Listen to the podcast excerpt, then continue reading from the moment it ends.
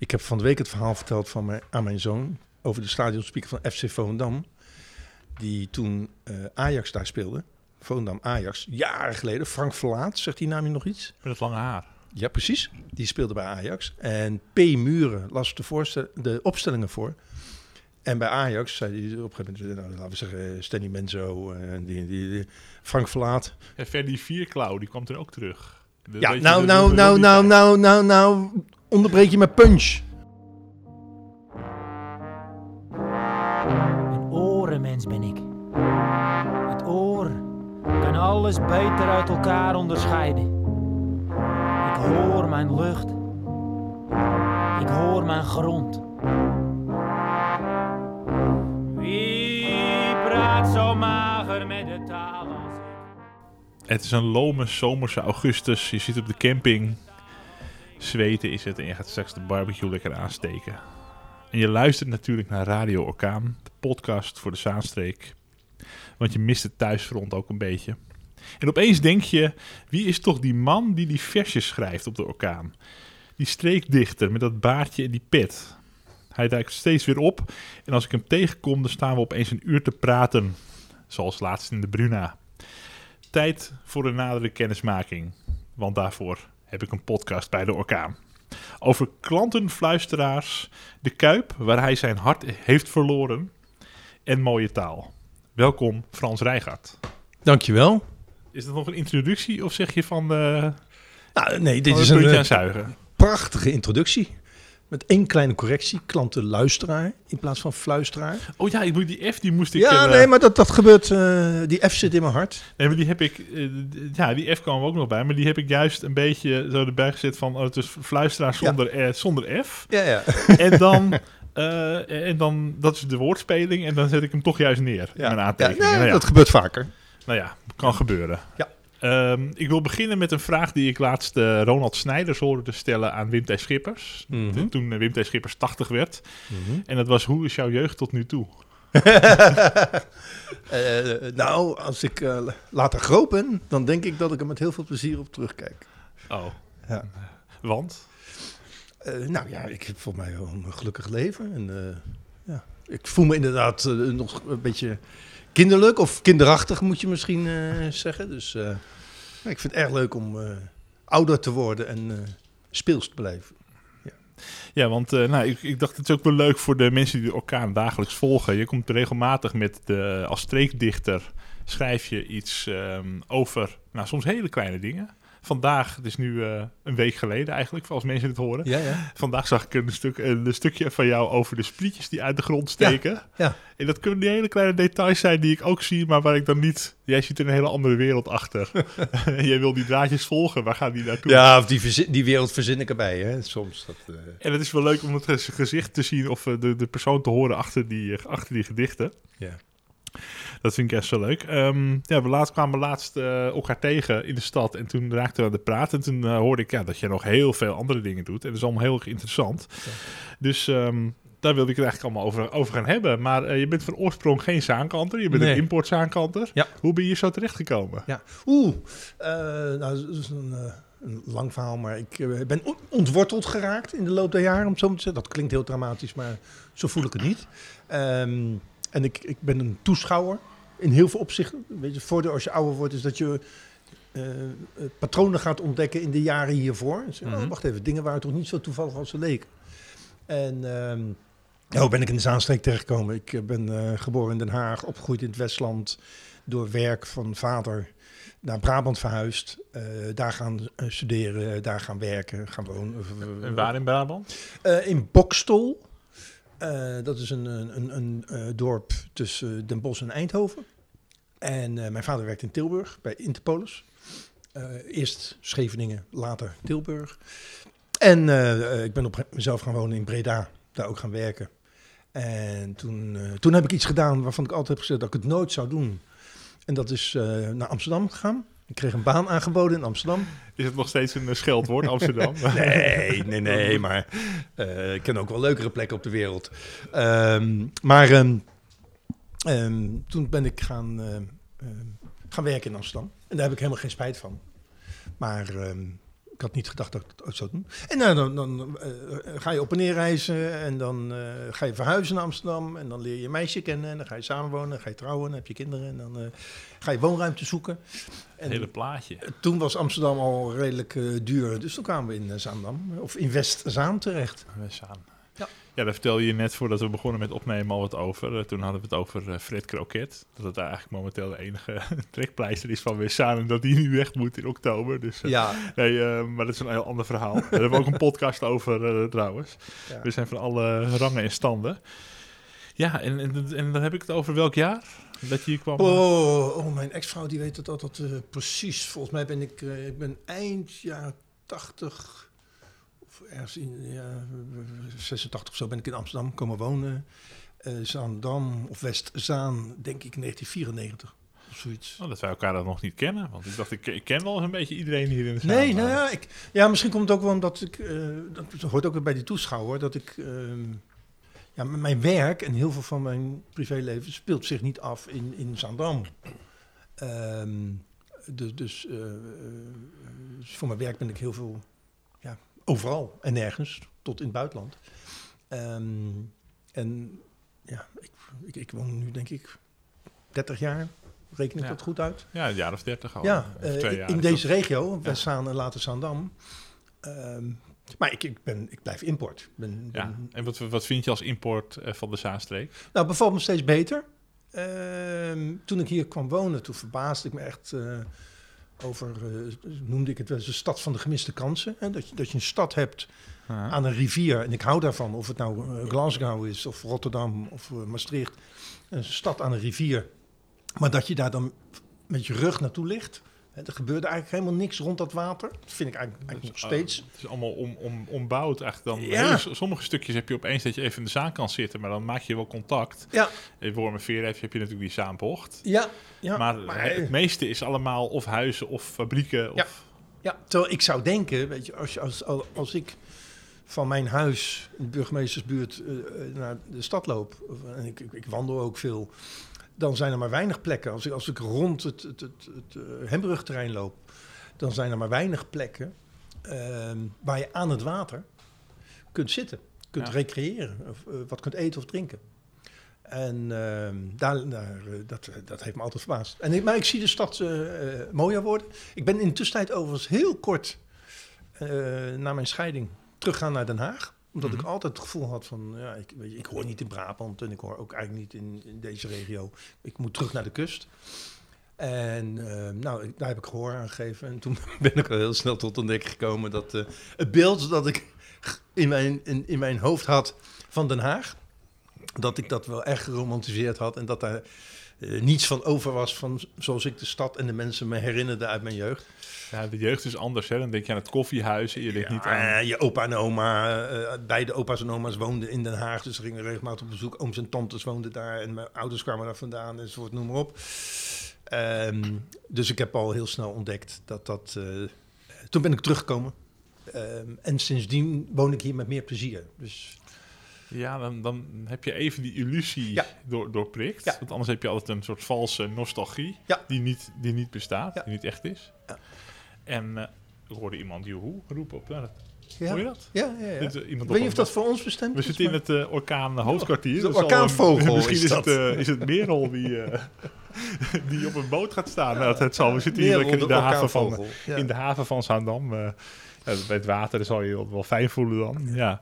Dus, Eh, dus ik ben teruggekomen, woon sindsdien met eh, eh, veel plezier, veel meer plezier en plezier eh, in de Zaanstreek, in Zaandam.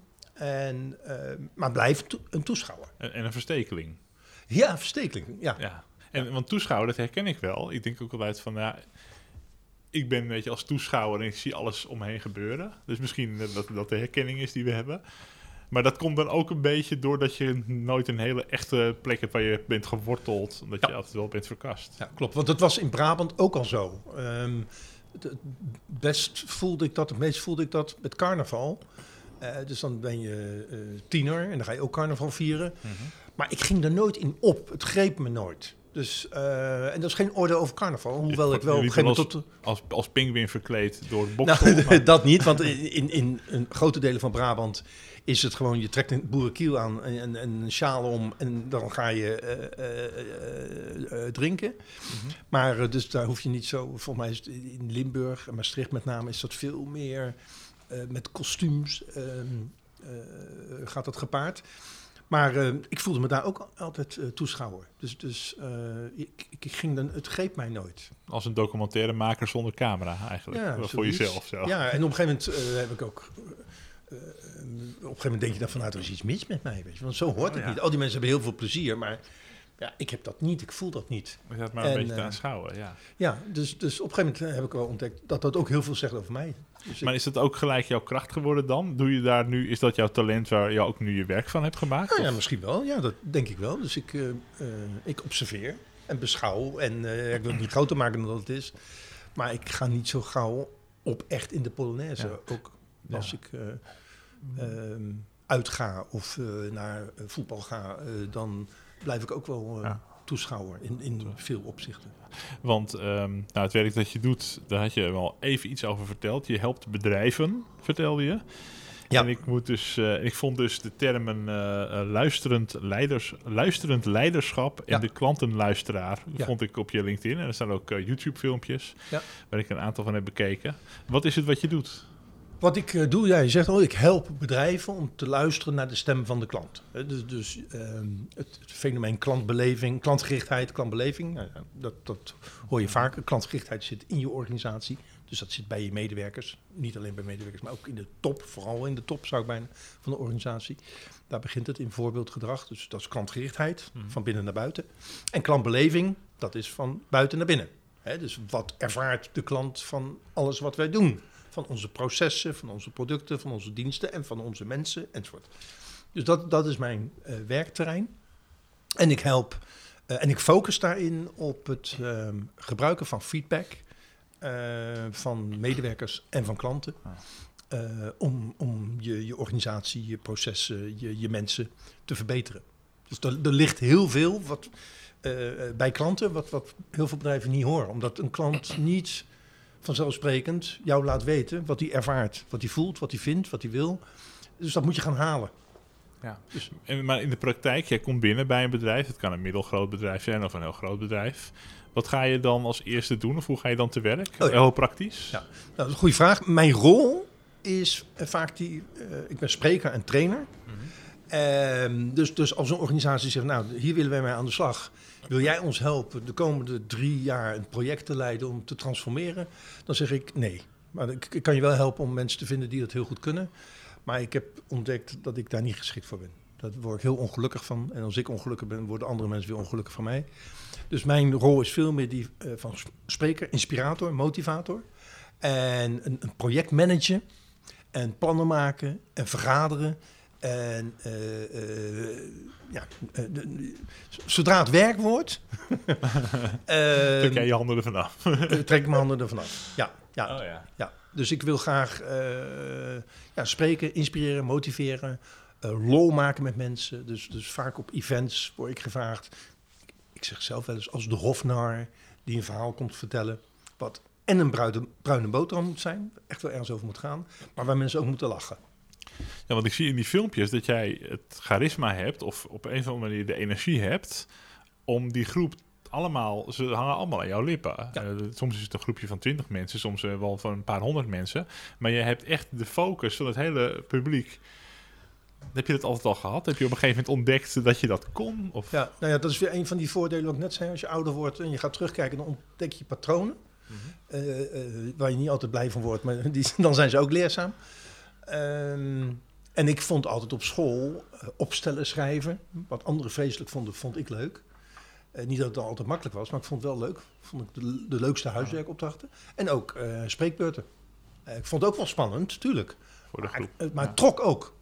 Mhm. En, ehm, en ik vond altijd, en vind dat nog, eh, ehm, dat ik, ehm, ik werd altijd wel, wel ge- ge- geïnspireerd door mensen die goed konden schrijven en goed kunnen spreken. En ik denk dat, dat je als spreker, schrijver, altijd een beetje bezig bent om mensen onder hypnose te brengen of eh, eh, in trance te brengen. Wat ik daarmee bedoel is niet zozeer dat ze als een, als een kikker gaan rondspringen en dan daar tien minuten later niks meer van weten of zo. Dat, dat is het beeld wat ik vroeger had bij hypnose. Maar met taal kun je mensen wel betoveren en meenemen. eh, eh, dus op een hoge abstractie taalniveau, maar ook met hele concrete voorbeelden en met bewijzen. Dus het is metselen ehm, in, in je verhaal om een boodschap te brengen. Ja. Taal is heel, heel krachtig daarin, dus ook levensgevaarlijk. Ehm, want er zijn natuurlijk heel veel voorbeelden in de geschiedenis van mensen die taal eh, heel goed kunnen gebruiken voor de verkeerde dingen. Dus taal is een wapen. Ja. Dat, ehm, en dat, ja, dat, dat, daar speel ik graag mee. Nou, ik zie wel dat je dat echt hebt. Ja, dat is wel uh, we gaven hoe, hoe je er ook compleet ontspannen en eh, ja, zo voor de groep staat. Ja, vind ik erg leuk. Dus er niks kan jou Ja. dan ook raken. Stel dat er Nee. mensen die niet willen meedoen of je een beetje Ja. bij de hand gaan. Je bent gewoon niet te raken. En dat, dat, dat zie je gewoon aan je. Dat is altijd wel knap als iemand dat kan. Ja. Nou, ik ben erg van het voorbereiden. Ehm, dus, dus in mijn werk zit heel veel voorbereiding.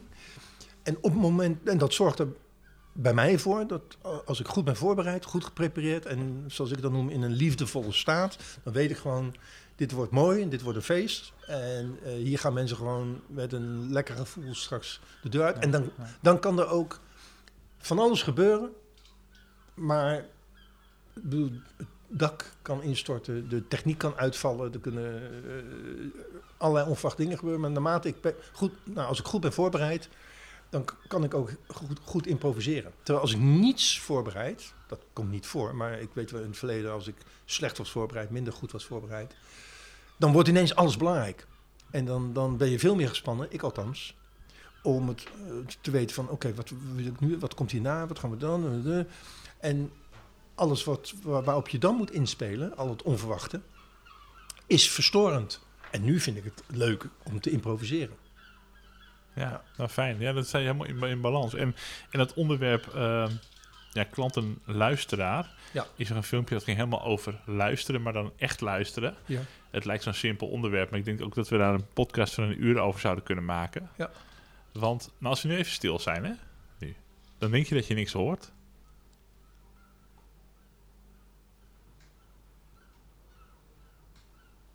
Maar we horen wel iets. Wat, wat hoor je?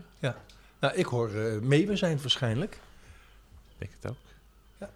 En ik hoor een motorgeluid, maar ik weet niet of het een brommer is of dat er hier ergens in de haven. Oh, ik doe mijn oortje even uit. Het is een soort schuurmachine in de verte, denk ik Oké, ook. nou hier, ja. zie je. ja, we zitten hier Ja. met het raam open, want het is augustus. Het is Ja. warm en je hoort Oh. ook een poster eh, wapperen in de wind. Overigens, de- dat is luisteren. Dus wat je, wat je dan doet, is aandachtig luisteren. Ja. En horen doen we automatisch. Want die meeuwen, Ja. die ho- horen... Kijk, nu hoor ik ze ook, omdat ik... Jij hebt me er Ja. alert op gemaakt. Dan, ga je, dan luister je naar Maar, de maar ik hoorde ze al, maar niet Ja. bewust. En, Ja. en kijk, horen doen we op de automatische piloot. Luisteren kun je niet op de automatische piloot. Dus na elkaar luisteren eh, is altijd een, een, een, een, daad van liefde. Maar Ik wil het niet te filosofisch maken, maar is altijd een actie die je bewust onderneemt. Als ik me voorneem om naar jou te luisteren, om wat, wat er bij jou leeft, wat jij voelt, wat jij ervaart, wat je wilt, wat je wenst. Mhm. En dat kan in privérelaties. Maar laten we het even houden bij eh, klantrelaties. Ehm, dat kun je alleen maar door, door daar bewust die keuze te maken.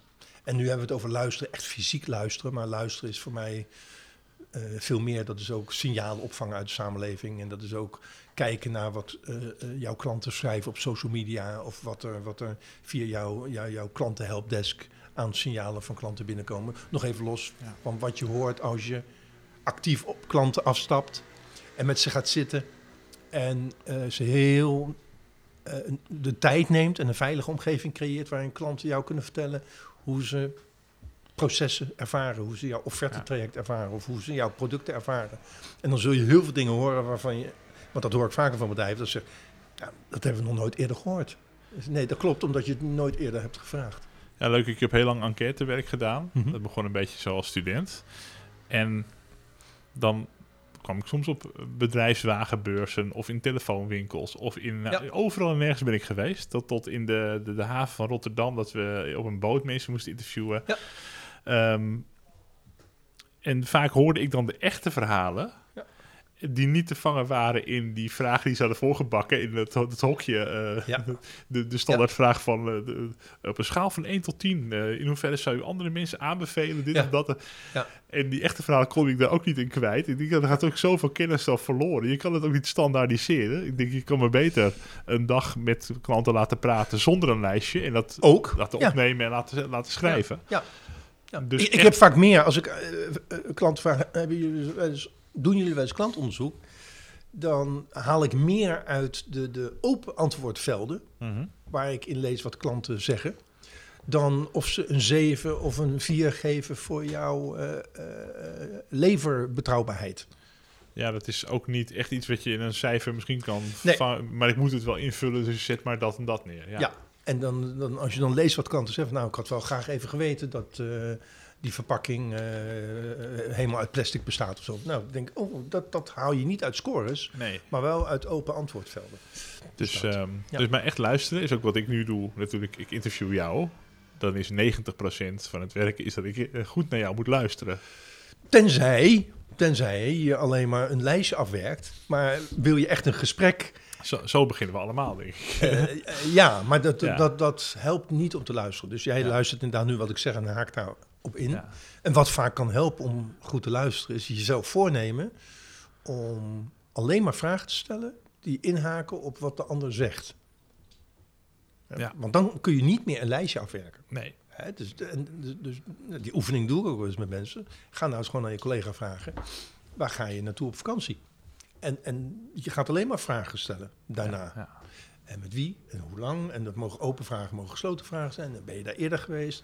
En eh, wat, wat, wat heeft je doen besluiten daar aan toe te gaan? Wat vind je daar aantrekkelijk? Binnen, binnen enkele minuten kom je zoveel te weten. Dus ik hoor dan ook vaak van, oh, dat wist ik helemaal niet van mijn collega. Dat is grappig, hè? Dus je ziet elkaar elke dag, al jarenlang. Maar nu je, je jezelf dwingt om vragen te stellen... En niet als, iemand zegt, eh, als je zegt, waar ga je naartoe op vakantie? Ja, Kroatië. Oh, Kroatië. Oh, dat zijn we ook heel vaak geweest. Waar ga je naartoe? Oh ja, nou, daar zaten wij vlakbij op die die. Weet je? Dan verleg je het weer naar jezelf. Ja, en dat, dat, dat, als je dat proces herkent, hè, dat, dat, Ja. dat brein van ons, het is gewoon een vulkaan die blop, blop, blop op al, elk signaal dat we krijgen, wat een ander zegt, gebeurt er iets in ons hoofd. Hè? We hebben een oordeel of een herinnering of, of nou ja, een, een, een waarde, een overtuiging. En die uiten we dan ook. En dan gaat het weer over jou. En niet over die ander. Dus als je echt diep wil luisteren en wil weten wat er bij die ander zit, dan helpt het wel om Ja. of je mond te houden of vragen te stellen. Of gewoon even stilte te laten vallen. Dat is ook een oude interviewtruc. Stilte is magisch. Ik heb het net ook een keer gedaan. Toen ging je ook gewoon door. Dus dat is ook een oud truc. Nee, maar ik herken wel van dat lijstje. Want ik ben er zo ook ooit begonnen. Toen ging ik het helemaal zo af, soort van afwerken. En op een gegeven moment laat je dat meer los. En ik heb nu al een blaadje. Er staan een paar steekwoorden op. Met herinner- eh, ja, om jou te herinneren aan Ja, de en je- dingen waar je het over wil En hebben. je ziet, eh, oh, ik denk, oh, oh ja, ik heb dat, dat ligt hier ook nog dat kladblok. Maar dat eh, laat ik misschien maar helemaal eh, zo liggen. Nee, ik eh, interviewde voor Amsterdam FM eh, een jaar of tien geleden Martin Siemek. Die heeft Ja. heel veel van die nachtinterviews gedaan. Ook Mhm. dit soort gesprekken natuurlijk. En toen, ehm, ik was best wel onder de indruk dat hij bij ons aan tafel had. Een soort biografie geschreven, geloof ik. De voervliegjes achterna, zo heette het. eh, en, ehm, en toen zei hij, eh, legde hij zijn hand zo op mijn arm. Voor van, van tevoren zo. Toen zei hij, als je, eh, rustig maar, als je echt geïnteresseerd bent, dan heb je altijd een goed gesprek of altijd een goed interview. Dat is bingo. Dat is het enige. Ja. En toen dacht ik, oh ja, dat is dus het enige waar hij rekening mee houdt als hij mensen interviewt. Ja, Ehm, Precies. ja. Echt Echt luisteren. interesse, ja. ja. En ik maak de podcast ook wat langere gesprekken voor mensen die echt willen luisteren. Anders dan eh, zet je maar lekker Spotify aan of zo. We gaan naar ehm, de Kuip. Het, De Kuip, Kuip. het Kuipie. De Kuip. Eh, als ik het als Ajax ziet goed uitspreek. eh, maar ik heb er ook hele mooie herinneringen. Ehm, dat is een stadion in Rotterdam. Waar je helemaal niet vandaan komt. Maar waar wel jouw hart woont. Ja, dat zeg je, dat zeg je Ja. mooi. Ja, ja, ja. En, en je bent een van de strijders voor het behoud van het eh, oude stadion. Dat lijkt nu helemaal eh, goed te komen. Hè? Want, eh, Voor het de- oude stadion, voor het huidige Of stadion. het huidige, huidige stadion. Het goede oude, de goede oude ja, ja, zeggen we ja, dan. ja, ja. Ehm, ja, hoe is dat?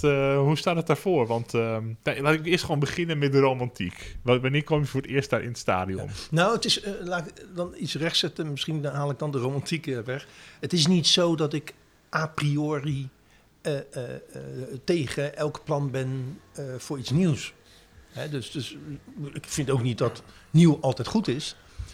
Maar je moet alles op zijn merites beoordelen. Dus, dus ehm, ik zeg wel eens, als, als een plan voor een nieuw stadion mij overtuigt dat het voor Feyenoord goed is, dan ben ik waarschijnlijk een van de eerste die zegt van nou, met, met alle liefde die ik voel voor dat prachtige stadion, de Kuip, want dat is het, dat is echt een architectonische parel. Wat je ook verder van Feyenoord vindt, dat, dat Ja. eh, moet iedereen voor zich weten. Ehm, maar we gaan. Weet je, als, als we er beter van worden, dan gaan we. En ik ben dus niet tegen een nieuw stadion, maar ik ben tegen slechte plannen. En ik heb me daar aardig in verdiept en, en me ook goed eh, laten eh, informeren door anderen die daar verstand van hebben. Van gebiedsontwikkeling, van eh, stadionexploitatie, van stadionbouw, van enzovoort. enzovoort.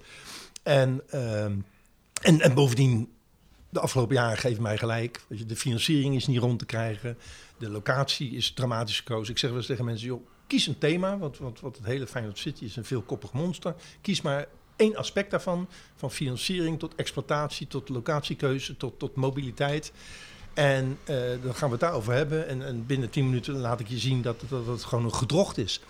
Nou, eh, er zijn geen financiers. De business case is niet rond. Eh, het, nou, over het ontwerp voor het stadion hoeven we niet eens te hebben. Want dat, dat, is- dat, nou, daar zou Veenendaal nog niet eens een crematorium eh, van bouwen. Zo afschuwelijk is het. Wat, wat is er lelijk aan dan?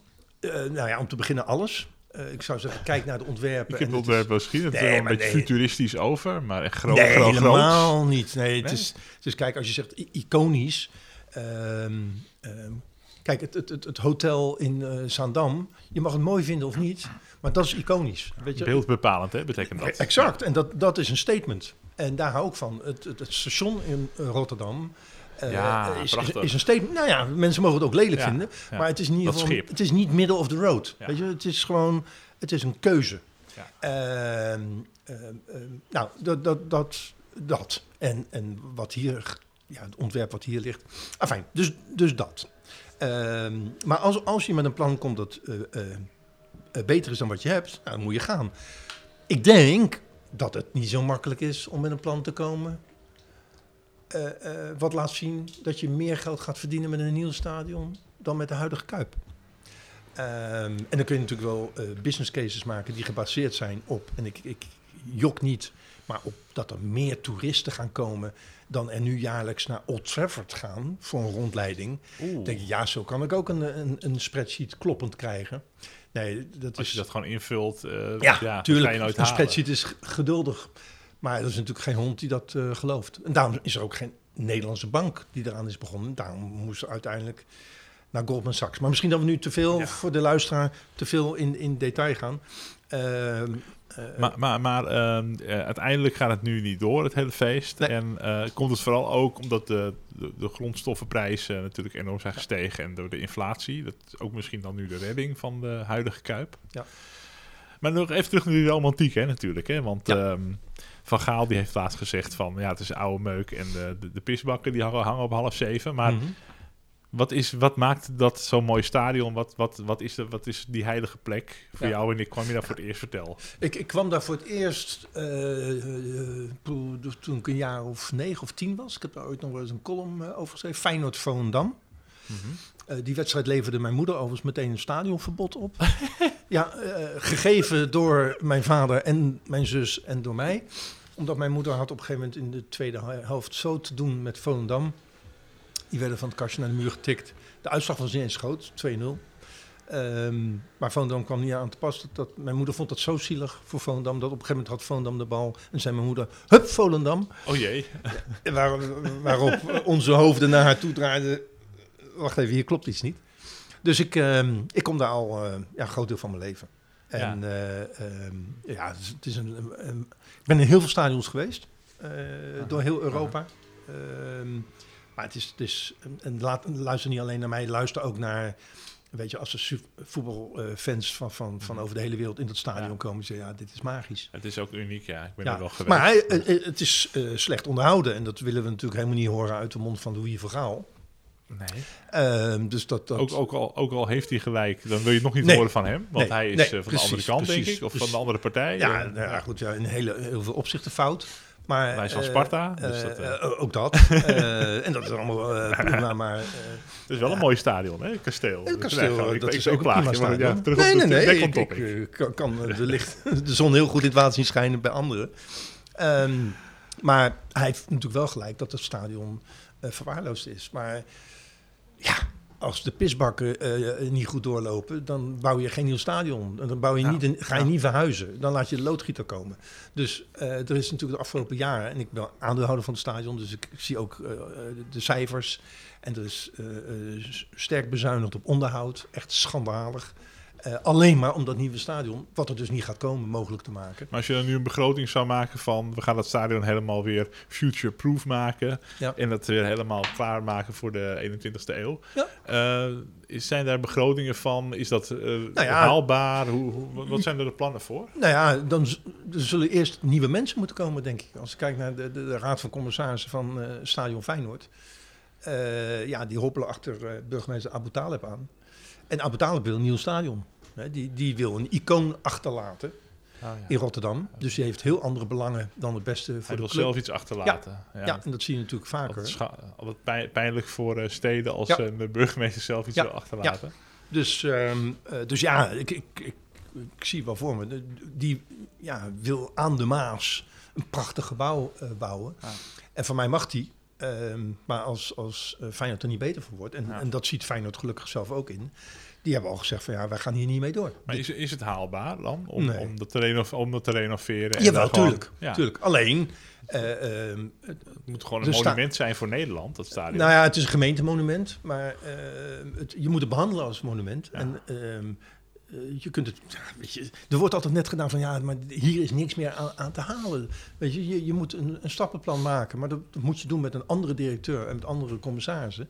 eh, om dat stadion stapsgewijs te, te moderniseren. Vergeet niet het stadion van PSV. Je hebt een Ja. dus je wilt dat waarschijnlijk niet horen. Ja, maar PSV, ja. eh, het stadion van PSV is ouder dan de Kuip. Maar, wat, wat zij... Modern. Nou ja, wat zij heel goed hebben gedaan, is voortdurend gemoderniseerd. En de laatste modernisering eh, bij Feyenoord dateert uit midden jaren negentig. En elk stuk vastgoed zul je op zijn tijd eh onder handen moeten nemen. Eh, of het nou is dat je de dakgoten vernieuwt of dat je een lik verf geeft. Ehm, eh, en dat geldt voor de Kuip ook. Maar het is echt, het is gewoon een waanzinnig stadion waar, waar nog zoveel potentie in zit. Zoveel onbenutte potentie aan inkomsten. Ehm, eh, dat, dat mijn handen jeuken om daar met supporters, met heel veel mensen die Ja. de club en stadion warm hart toedragen, die liefde voelen voor het stadion. Want dat is, ja, Er zijn zoveel handjes vol liefde die Echt, willen bijdragen. ja, en bedrijven, ondernemers ook ja die dat willen. maar dat kan alleen maar Ja. eh, als er mensen aan het roer staan, eh, die lief, diezelfde liefde hebben en die visie, die, die, die, die het zien, die, die zien hoe mooi het is en hoeveel mooier het nog kan zijn. Ja, nou, daar ben ik helemaal mee eens. Want het, eh, ik, ik zou het heel zonde vinden als dat, als dat verdwijnt. Er zijn al veel stadions eh, met heel veel waarde verdwenen natuurlijk. Ja. Eh, als je het over Ajax hebt, heb je het over de, de Meer. Wat een heel klein stadionnetje was. En dat Ja. kon natuurlijk niet meer als je de schaalvergroot ziet. Maar Kijk, dat Ajax een nieuw stadion het nieuwe wilde, dat ja. snap ik wel. En de, de meer mogen we best romantiseren. Maar dat was, met alle respect, een, een, een, een eh, veredeld amateurcomplex. Dus, dus Ja. eh, dat deed geen recht aan de status eh, van die club. Dus dat die naar een nieuw stadion gingen. Maar als mensen dan zeggen, ja, maar Ajax heeft toch ook een nieuw stadion gebouwd? denk ik, ja, maar die situaties zijn andere situatie. ja. onvergelijkbaar. Als Ajax toen in de Kuip Ja, had gespeeld, hadden ze geen nieuw stadion gebouwd. Nee, nee. Ehm, ja, en, en met, bij zo'n nieuw stadion zie je ook dat, het, dat je snel 25 à 30 jaar verder bent voordat er echt sfeer en echt een, een ziel in dat stadion hangt. Ja. En er, eh, dat, dat begint nu gelukkig eh, een beetje te komen. Maar het is net als een nieuwbouwwijk die je bouwt. eh, Ja. Het gaat eerst een generatie of één, twee overheen voordat daar Leven in zit. ja, leven, Ja. ziel in de stenen zit. dat, ja. Nou ja, het- mooi die, die kuip. Goed hè, dat wij als ik heb Ajax da- ziet en Feyenoord er gewoon Ja. zo over kunnen praten. En dat we elkaar lekker kunnen plagen af en toe. ja, ik gooi je zo de haven in hoor, dat wel, maar Wel de haven van Zandam. de haven van Ehm, Zandam. Ja.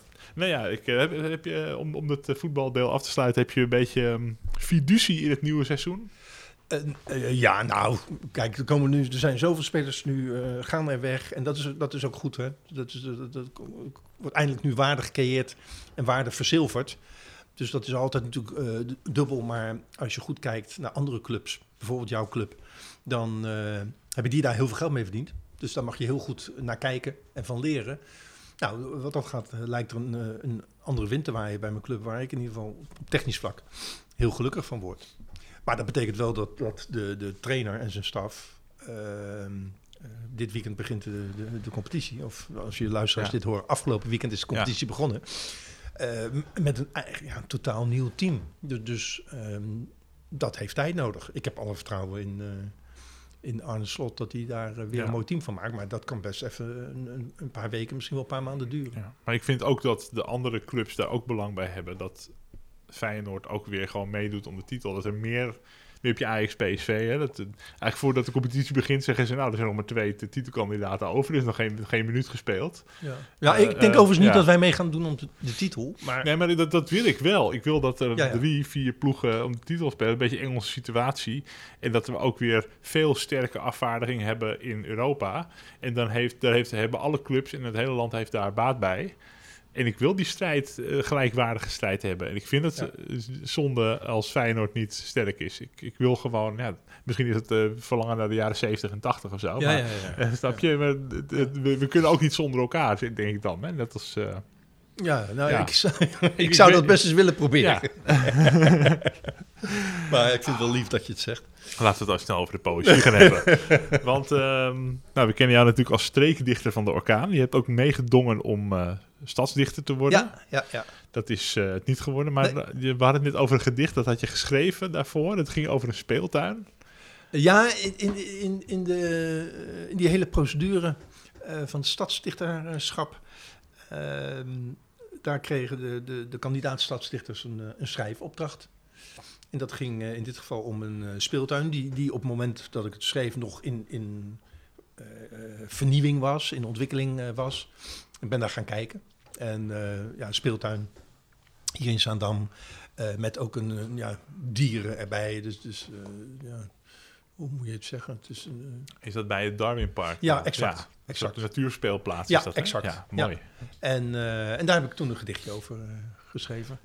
Laat Ik horen. zie aan je blik dat je ja, hem, graag. wilt horen. Ja, het, het moest te maken hebben met Zaandam. En, en dat heeft het natuurlijk. Ehm, maar ik, er zitten dus ook wat Zaanse woorden in. Ja, dat wil ik graag uit jouw mond horen. Maar mijn, mijn Zaans is natuurlijk Ja, genees. helemaal niet, niet zo goed. Maar het gedicht heet Speelteun. Ik klim en ik klauter. Ik spatter en ik spring. Ik tokkel op en neer. Strakjes huppel ik op huis aan. Morgen kom ik weer. Nou, dat is... Lief, Zoals het is om als kind te spelen in de speeltuin. Ja, ja, ja, precies. Ik zie dat helemaal voor me. Ja, en en ben je tevreden als eh orkaanstreekdichter? Lekker een beetje... Ja, dat vind ik hartstikke, eh, hartstikke, hartstikke leuk. Ja, overigens was dat een hele zware procedure om doorheen te gaan. Nee, flauwekul. Nee, de orkaan, nee, dat ben je gewoon... eh, Dat is gewoon pu- pure willekeur, pure voorkeur eigenlijk. Ja, ja, ja, ja, ja, heel dubieus allemaal. Eh, oh, nee, als je bent afgewezen als stadsdichter, dan eh, Mag je nog- willen wij je wel hebben. Mag je... Ja, wie voetbalschoenen heeft, doet mee. Nee, ik vind dat erg, eh, erg leuk. Het is eh, een hobby. En een paar jaar geleden ontdekte ik min of meer bij toeval... toen ik het erover had met eh, Floor van der Vlist... die eh, wat video's ging maken. En eh, Rotterdamse in Zaandam. Eh, van, ja, heb jij misschien iets? Eh, eh, Mhm. Zij begon met Lockdown TV. Hè? Toen, toen we net Ja. in die lockdown terechtkwamen en al die creatieve beroepen. ja, de- iedereen die op een podium stond, zat thuis.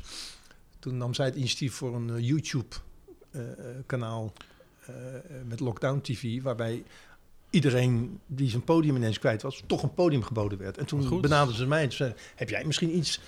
Ik zei, ja, ik denk niet dat jouw kijkers zitten te wachten op een eh, klantenluisteraar die gaat vertellen over klantgerichtheid. Nee, nee, nee, heb je niet iets anders? Ik, ja, weet je, ik heb gedichtjes, maar die had ik no- nooit gepubliceerd, nooit gedeeld. Misschien ho- hooguit aan mijn zus of mijn, mijn kinderen verteld. En eh, ik stuurde haar zo wat. En zij vond het hartstikke tof. Hartstikke leuk. En die gedichten laten jou ook, helpen jou ook weer om anders te kijken. Zoals die, ehm, zoals die sprietjes uit de grond. Helpen die jou weer ja, naar kleine details. Dat je daar heel anders door, door de stad loopt. Met een heel andere blik. Ja, ja nou ja, ja. Ik, weet- ik weet niet of de, de gedichten me helpen om. Misschien is het net andersom. Maar misschien bedoel je hetzelfde. Mhm. Dat ik, eh, ik zie dingen en eh, de- ja, daar, eh, ja, die brengen mij op eh, ideeën. En soms op serieuze ideeën, soms op hele gekke ideeën. Dus Ja. dan, eh, die draadjes intrigeerden mij, ja.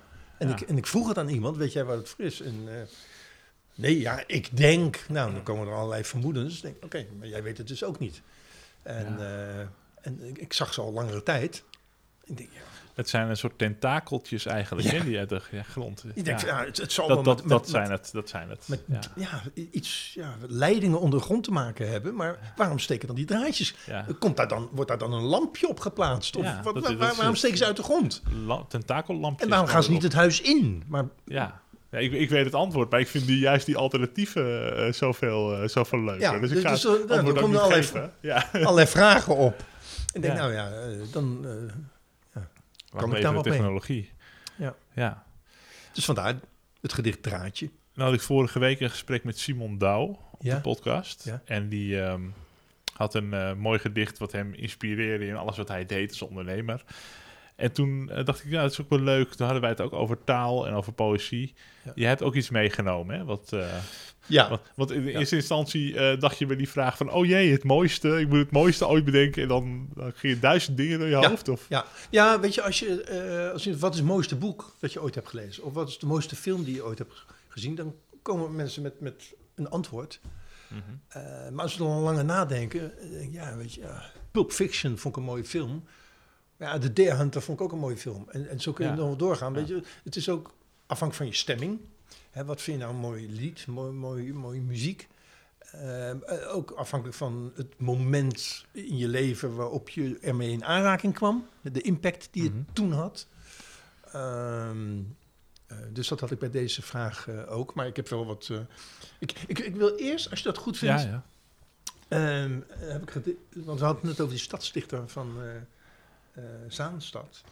Ehm, en overigens is er nu een heel eh, mooi duo. Hè? Prachtig Eh, duo. Lisa en Reinier, dus, dus hartstikke fijn. Ehm, maar ik, ik weet nog dat in die gesprekken dat op een gegeven moment... Er waren eh, twijfels over mijn oeuvre. Nou, ik wist niet eens dat ik een oeuvre had. maar eh, eh, nee, want ik, ik zie mezelf niet als, als dichter. Weet je. Dit is een, ja, liefhebberij. Ik, ik schrijf versjes, gedichtjes. eh fijn. maar op een gegeven moment... ehm het waren zorgen over mijn oeuvre. Nou, daar schrok ik nogal van. Toen heb ik gevraagd, waar gaan die dan over? En toen werd gezegd van, ja, het is niet eh, altijd inclusief.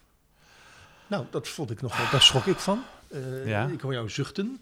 Maar eh, ik heb toen gevraagd, kun je daar een voorbeeld van noemen? Nou, en dat was onder andere het volgende gedicht. Werd in ieder geval door de selectiecommissie gezien als eh, niet inclusief. Dus even, eh, eh, mensen even handen voor de oren. Ja, ja dit, is, dit wordt schrikken. Het gedicht heet Blind Date. Met opgewekte tred zag ik haar binnenkomen. Op die avond van ons blind dateje. Opeens zag ik haar aarzelen. Ze wankelde een beetje. En zwaaiend met haar stok miste ze het laatste treetje. Dus. Dit maakt mij dus een niet-inclusieve dichter. Ja, ju- juist wel, want er komt een, eh, iemand met een blinde geleidestok. eh. Nou ja, ik, ik heb gevraagd waar zit hem dat dan precies in? Is het omdat het gaat over een ze? Nou ja, ik had het ook over een hij kunnen schrijven. Van maar hem, ik, ik- hè? maar ik, ik, date, ik date geen hijs. Dus, dus het zou heel gek zijn als ik een blind date heb met een man. Eh, niet dat er iets mis mee is, maar ik, ik, ik heb geen dates met mannen. Maar wel, met, dus vandaar.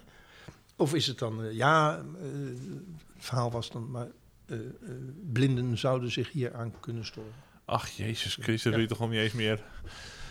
Ja. Dan ga, je, dan ga je de poëzie of dan ga je een kunstuiting langs een soort van een meetlatje leggen dat je dan zelf... Ja, het is toch Ja, ik schrok daarvan. En, eh, Ik had wel gehoord dat, je, dat, je, dat er iets was, maar ik wist niet dat, dit, dat Ja. dit verhaal was. Het is Ja, echt, ik, ik verwonder me alleen maar nog meer. Dus eh, Ik heb het daarna ook di- bij diverse mensen getoetst. En ik weet niet of het dan uit angst is dat ze eh, mij niet zeggen wat ze ervan vinden. Maar ik heb ze van, kun je, herken je je in dat standpunt? En mensen keken mij eigenlijk heel verbaasd aan. ik denk ook dat blinde mensen het, het probleem niet zien. Dit is een hele foute grap. Ja, oké. Nee, maar er zit toch een kern van waarheid in. Want ja, vaak, vaak is degene waar de grap over gaat, of, of Ja, ja. waar, waar het over Ja. gaat, niet, niet gekwetst, maar allemaal andere mensen Nee. plaatsvervangend wel gekwetst van, oh, maar stel je nou eens voor dat iemand dit of dat iemand dat, dan gaan we het uit voorzorg, maar ja, ik denk niet dat het, dat het heel erg eh, helpt om een mooiere wereld te creëren. Nee. Dat we stilstaan want bij bepaalde het- dingen is wel heel belangrijk. Of, maar, maar zo angstvallig in de, in de kramp schieten, dat, Het dat grappige is, en ik ben daar ook nog wel een gedichtje over aan het schrijven, maar eh, er moet dan nog wat boosheid weg. Maar is, is dat, eh, eh, omdat dat werd uitgelegd als niet inclusief, werd ik vervolgens uitgesloten. ja, Dat is grappig, hè? ja. Daar mogen we over nadenken. Inclusief, maar behalve de mensen die wij niet, eh, ja. Oké. Maar, Maar goed, ik je heb hebt nog wat eh, moois eh, meegenomen ja, uit je ik- eigen ik heb- boekenkast. Ja, ja, je had me gevraagd wat moois De mee. afsluiting, Overigens wil ik ja. nog wel, ja, eh, ik- een lied dat ik heel mooi vind, maar ik ga niet zingen. En het lied ook niet hier voordragen is, ehm, ja, er is heel veel muziek mooi. Maar is eh, het lied Moeder van Alex Roeka. Ik hou sowieso van, van, van zijn genre. En, was erg blij dat ik laatst hoorde dat ik me in goed gezelschap eh, bevind. Omdat Marcel van Roosmalen ook eh, de naam Alex Roeka noemde. Mhm. Ehm, dus het lied Moeder eh, raakt mij. Dat is echt een heel mooi lied. Maar ik heb meegenomen het boek Kussenboek van Arthur Japin. En dat, ehm, ja, dat boek kan ik eigenlijk altijd, en dat doe ik ook eens in zoveel tijd, te hand nemen en daar doorheen bladeren en, en staan kleine, lezen. kleine teksten of eh, fragmenten staan erin Ja, van, eh, van ja zijn en, werk. en de, de man schrijft zo zuiver en, en alles wat redundant, overbodig eh, is, is daar afgesneden. Ehm, dus, dus ik zou alles wat hierin staat wel voor kunnen lezen, maar dat gaan we niet doen. Dat gaan we de luisteraars niet aandoen. Oké, het, het boek heet Kussenboek. En ehm, een van de, de, de, de citaten van Arthur Chapin is... Dat zou ik willen, een echt kussenboek. Zodat ik altijd liefde kan blijven bijschenken... als ik merk dat iemand ergens toch tekort gekomen is. Mooi, dankjewel. En veel Alsjeblieft. mensen luisteren, eh, luisteren naar podcast. eh, als ze gaan slapen, dan doen ze hun telefoon onder hun kussen. Dus dat is ook wel weer eh, mooi om de cirkel rond te maken. Dan is dit een mooie gedachte om de nacht mee in te gaan. Dankjewel. En eh, wil je reageren op deze podcast of een eh, gast tippen van het interview die nou eens? Mail dan naar info.deorkaan.nl of reageer onder het artikel op de site bij deze podcast. Dankjewel. Dankjewel Edwin.